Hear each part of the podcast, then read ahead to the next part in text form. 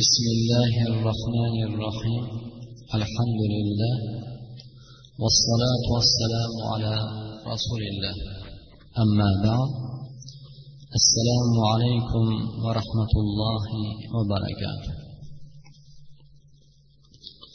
alloh subhanava taolo bandalarini bani odamni boshqa maxluqotlaridan afzalligi juda ko'p behisobdir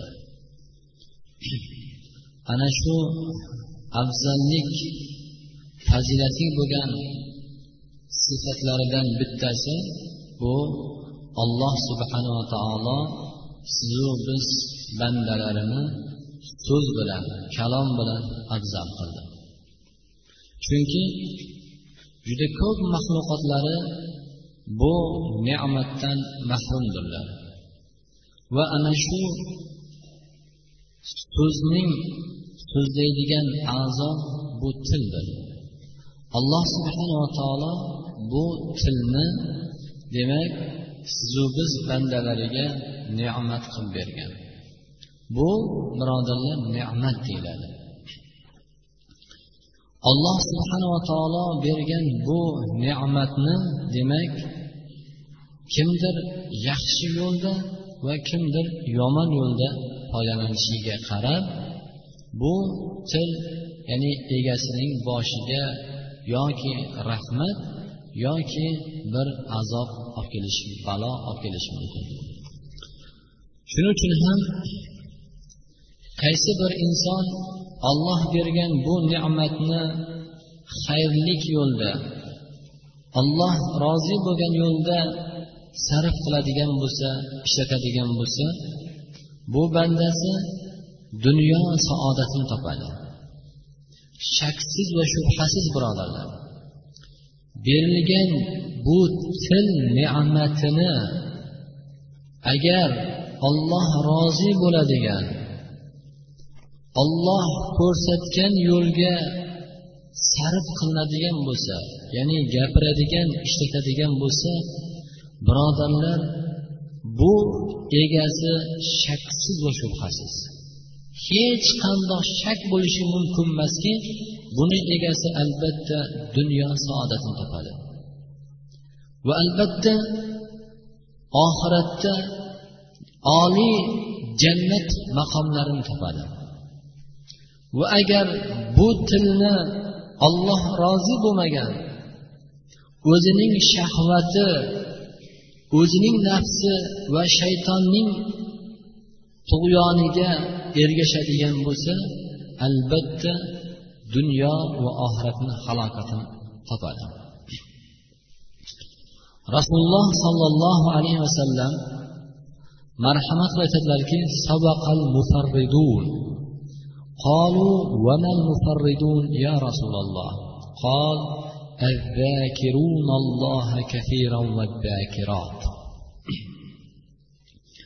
ya'ni juda ham oldinga mufarridunlar juda oldinlab ketdi ular xayrlik amalda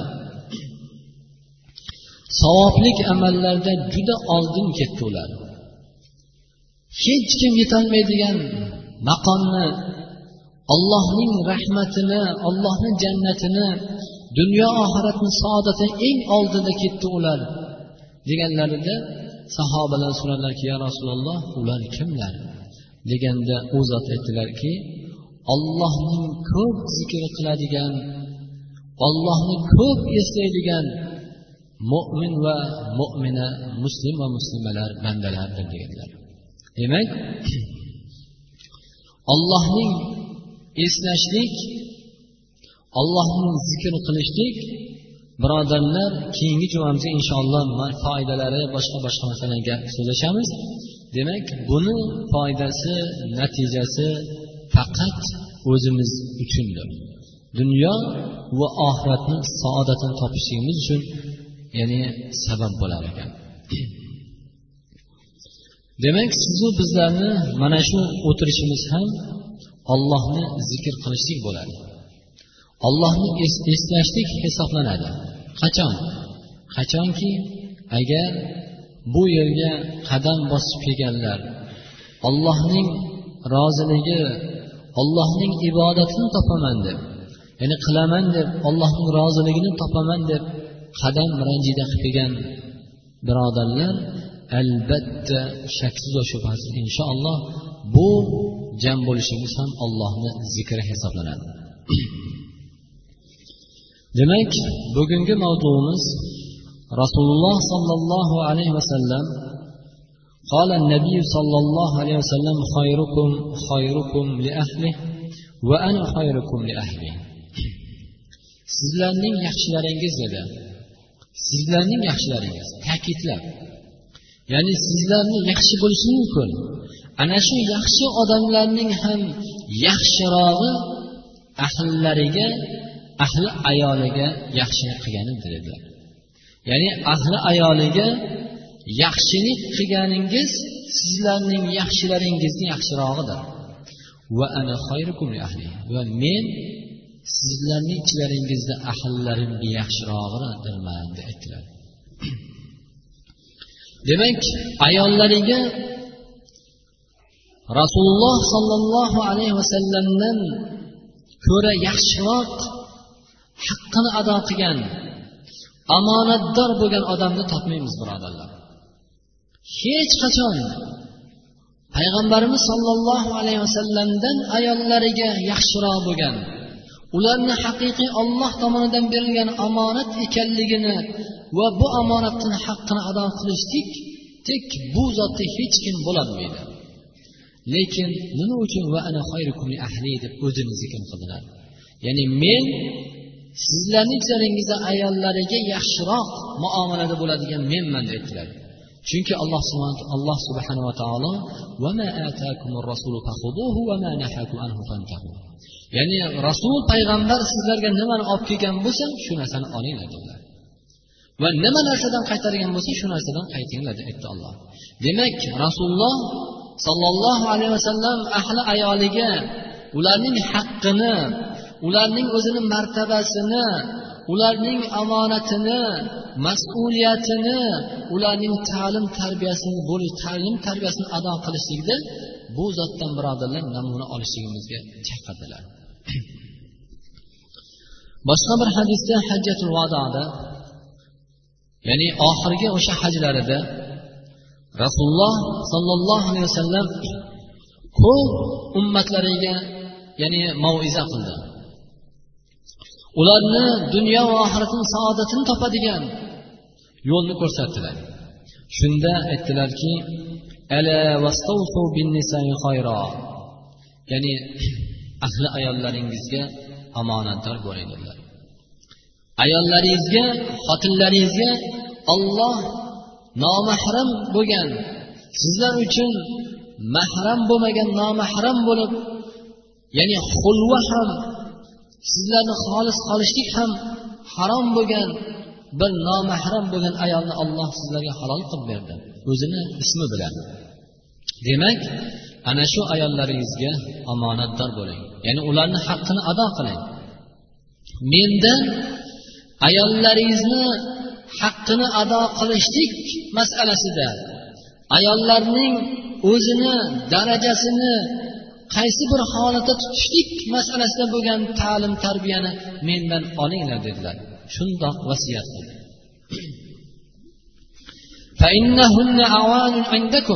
albatta ular sizlarning qo'llaringizdagi omonatdir. Olloh sizlarga ularni omonat qilib berdi.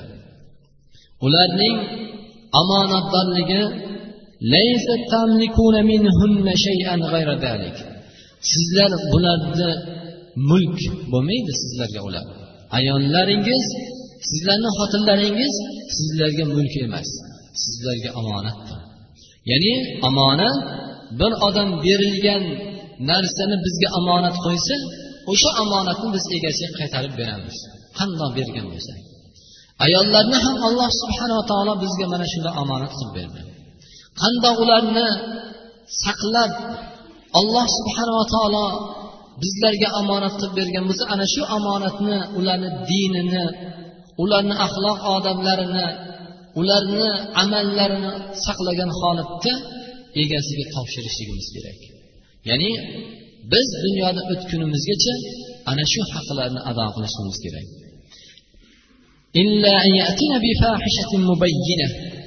Faqatgina fohish ochiqdan ochiq bir fohish ishi bilan kelgandagina sizlar boshqa narsaga erishasizlar ularni odoblab axloqlay olasizlar. Ya'ni demak fohish deganda biz birodarlar bu kalimadan fohishalik ma'nosini aynan tushunmasligimiz kerak. Bu gunoh eriga itoatsizlik modomiki er ayolini to'g'ri halol yo'lga va gunoh yo'lga buyurmasa itoat etishligini sizlar bilan bilgan edik. Demak ana shu ayollarimizga gunoh yo'ldan o'tmasdan modomiki to'g'ri halol yo'lda yurarkan biz ulardan hech narsa boshqa narsaga ega emasmiz.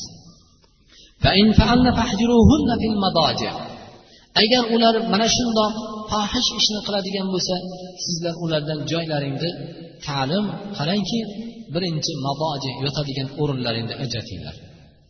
Ya'ni ta'lim uchun tarbiya uchun.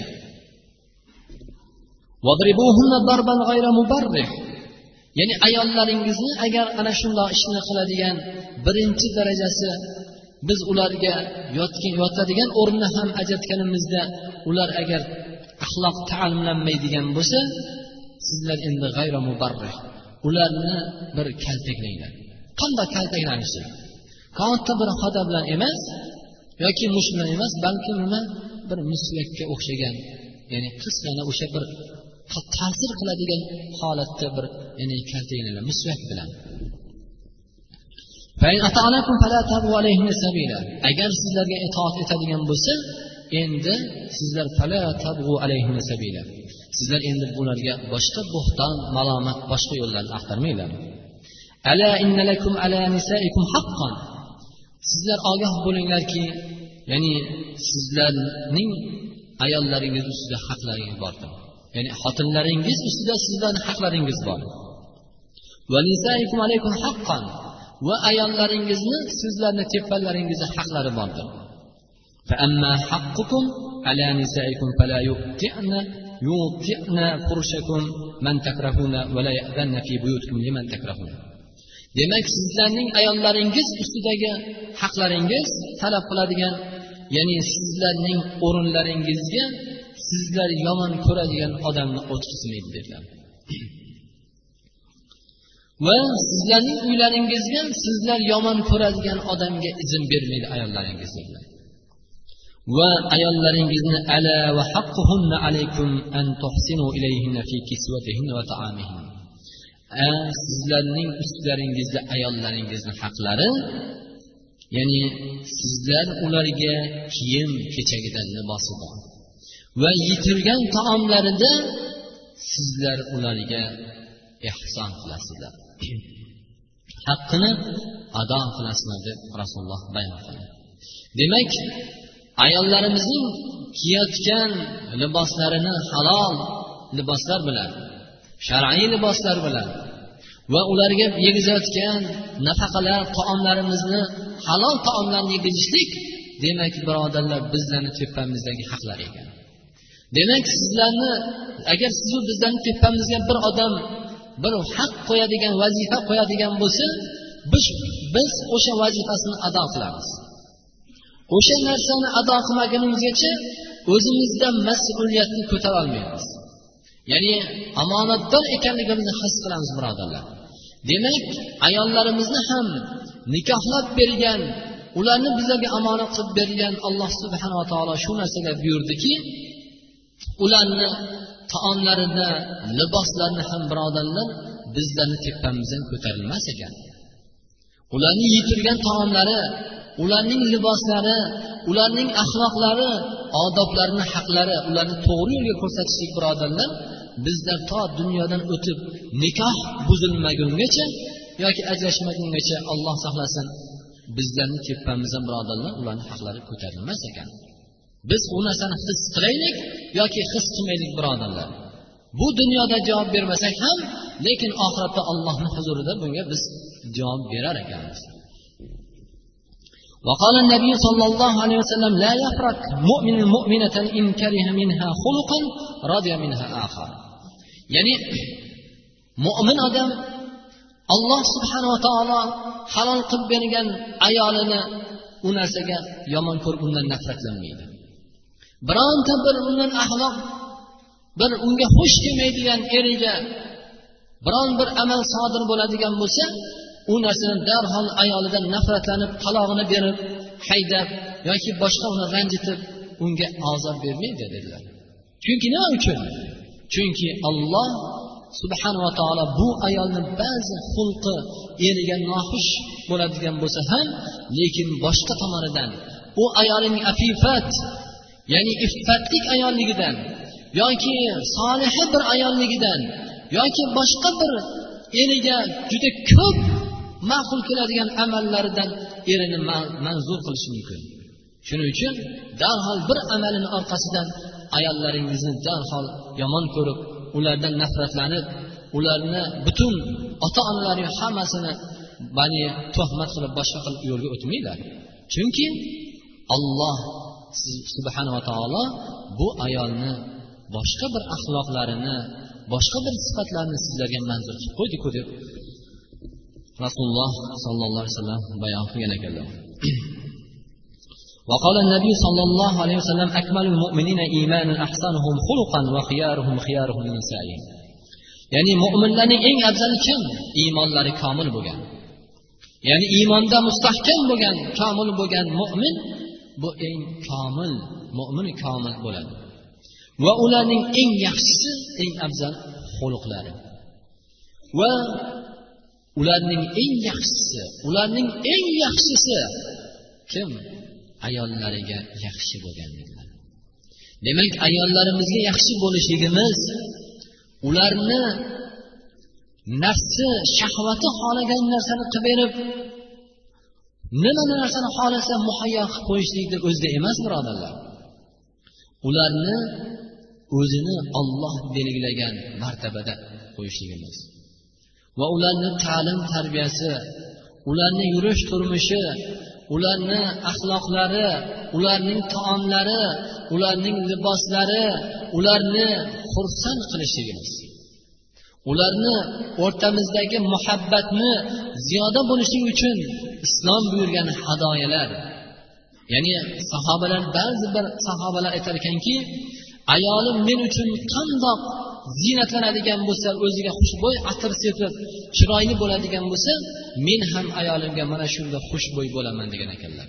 Ya'ni bir birlarini o'rtasidagi haq huquqlarni birodarlar mana shundoq ado qilganlar. Va albatta sizu bizlar allohga hamdar bo'lsin. Juda ko'p qo'limizda kitoblarimiz va alloh subhanava taolo sizu bizlarga masjidlarimizda juda ko'p ya'ni suhbatlar yoki olimlarimizni suhbatlarini eshitib juda ko'p ya'ni manfaatlandik. Bu albatta alloh subhanava taolo sizu bizni tinchligimiz vatanimizni tinchligi lekin bu o'qigan eshitgan ilmlarimiz birodarlar biz amal qilishligimiz uchun yetib ortadigan ilmlarni ham eshiting birodarlar. Biz juda ko'p narsani hech narsa bilganimiz yo'q deymiz. Va albatta dinimizni to'g'ri qilishligimiz uchun to'g'ri bir halol yo'lda yurishligimiz uchun ba'zi yetarli ilmlarni va yetarli kitoblarni alhamdulillah ya'ni topdik birodarlar lekin bizni hayotimizda bilgan eshitgan ilmlarimizni tatbiqi bo'lyaptimi yoki yo'qmi? فإن أصحاب النبي صلى الله عليه وسلم رسول الله صلى الله عليه وسلم ashoblari sahobalar shundoq u zotdan payg'ambarimizni ta'lim olishar ekanlar ya'ni o'n oyat o'n oyat ta'lim olar ekanlar ya'ni o'nta oyatni rasulullohdan sollallohu alayhi vasallamdan olar ekanlar ikkinchi bir oyatga o'tmas ekanlar toki o'sha bilgan oyatga bilib va amal qilmagungacha shuning uchun ular aytar ekanki biz rasululloh sollallohu alayhi vasallamdan ilmni oldik va amal bilan birga oldik degan ekanlar. Ilmni ham olganlar u zotdan yonlarida suhbatda bo'lgan qur'onni eshitgan qur'onni yodlagan lekin amal bilan olib ketishgan. Qur'onni eshitib qo'yib juda bu chiroyli o'qirkan juda mazza qildik deb ketmas ekanlar. Chunki hudoy ibn iyod rahmatulloh alayhi aytgan ekanlarki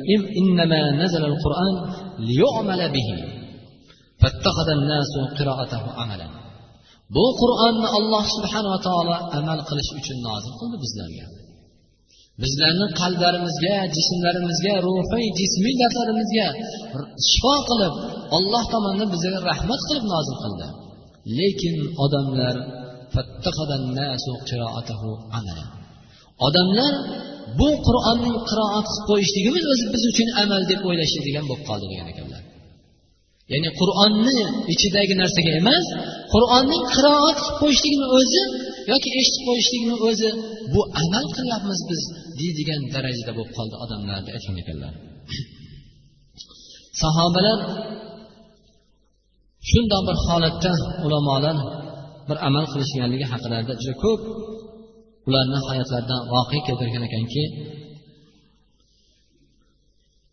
o'tgangi sahobalar ham olimlar salaflar ham albatta dinda bir narsa biladigan bo'lsa bir narsani hukmini bir to'g'ri yo'lni yoki noto'g'ri yo'lni biladigan bo'lsa shu yo'lni eshitib qo'yib ularni quloqlarida qolib ketmas ekanlar yoki ularni yodlarida qolib ketmas ekan. Ular ana shu bilgan narsalariga amal qilishlikda musobaqa o'ynashar ekan. Bilgan narsasi haqida amal qilishlikni darhol hayotlariga tatbiq qilar ekanlar. Bu haqida ummul mo'min ummu habiba roziyallohu anhu aytadilarki rasululloh sollallohu alayhi vasallamdan ushbu hadisni rivoyat qilib من صلى اثنتي عشر ركعة في يوم وليلة بني له بهن بيت في الجنة kim agar bir kunda o'n ikki rakat nafl namoz o'qiydigan bo'lsa farzlardan tashqari olloh bu bandasiga jannatda bir qisr barpo qiladi deb bayon qilgan hadisni shu hadisni rivoyat qilgan ekanlar rasululloh sollallohu alayhi vasallam umma habiba roziyallohu anhu onalarimiz mana shu hadisni rivoyat qilgan u zot aytadilarki men rasululloh sollallohu alayhi vasallamdan ushbu hadisni eshitganimdan keyin hech qachon bu o'n ikki rakatlik nafl namozni tark qilmadim degan ekanlar. Ular hayotlariga mana shuni tadbiq qilgan birodarlar. Juda zo'r ekan juda zo'r o'qirkan juda zo'r gap bo'ldi deb chiqib ketmagan ekan ular. Ya'ni eshitgan o'qigan ilmlariga mana shunda amal qilganlar. Va ibn umar roziyallohu anhu aytadilarki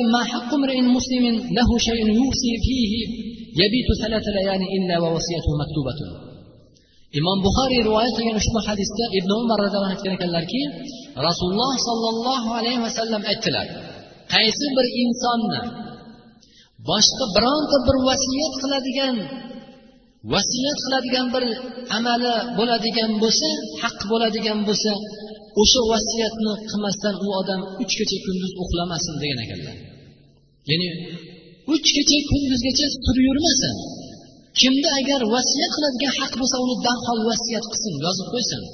Mendan vasiyat farzandlariga bo'lsin yoki ahli ayoliga bo'lsin yoki yor birodarlariga bo'lgan vasiyati bo'ladigan bo'lsa u haq haq vasiyat haqqi bo'ladigan bo'lsa bu odam yurmasin. Ya'ni u vasiyatni darhol ado qilsin. Degan mana shu hadisni eshitib abdulloh ibn umar aytganlarki menga bir kecha o'tmadiki albatta nima vasiyat qiladigan bo'lsam albatta o'sha vasiyatimni yozib qo'ydim. Ya'ni yozib qoldiraman degan ekanlar. Chunki inson kirgan nafasni birodarlar chiqishiga hech kim kafolat berolmaydi. Chiqqan nafasni kirishiga hech kim kafolat berolmaydi.